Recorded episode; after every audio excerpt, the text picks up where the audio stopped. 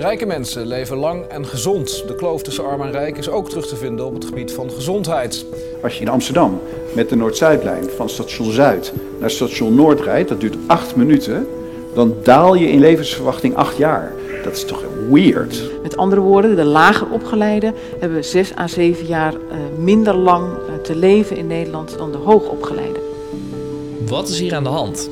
Hoe kan het dat in een welvarend land als Nederland de gezondheidsverschillen zo groot zijn? Dit is Impact in de Polder. Mijn naam is Marnix Kluiters en de afgelopen jaren sprak ik meer dan 100 experts over de grote uitdagingen van deze tijd. Nu breid ik mijn onderzoek uit naar de plek waar werkgevers, werknemers en onafhankelijke experts elkaar al decennia lang ontmoeten. De Sociaal-Economische Raad. Het boegbeeld van het Nederlandse poldermodel. Misschien is de gezondheid van mensen wel de belangrijkste voorwaarde voor een bloeiende samenleving. Daarom zoek ik in deze aflevering uit hoe we de gezondheidskloof kunnen dichten. Straks ga ik in gesprek met Kim Putters, de voorzitter van de SER. Maar eerst ging ik op onderzoek uit om uit te zoeken wat er precies speelt.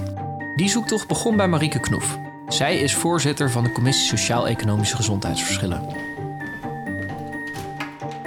Hey Marieke, wat leuk dat ik hier langs mag komen op jouw kantoor. Ja, dag Manix. Eh, Leuk dat je er bent. Ben jij benieuwd naar het antwoord van Marieke?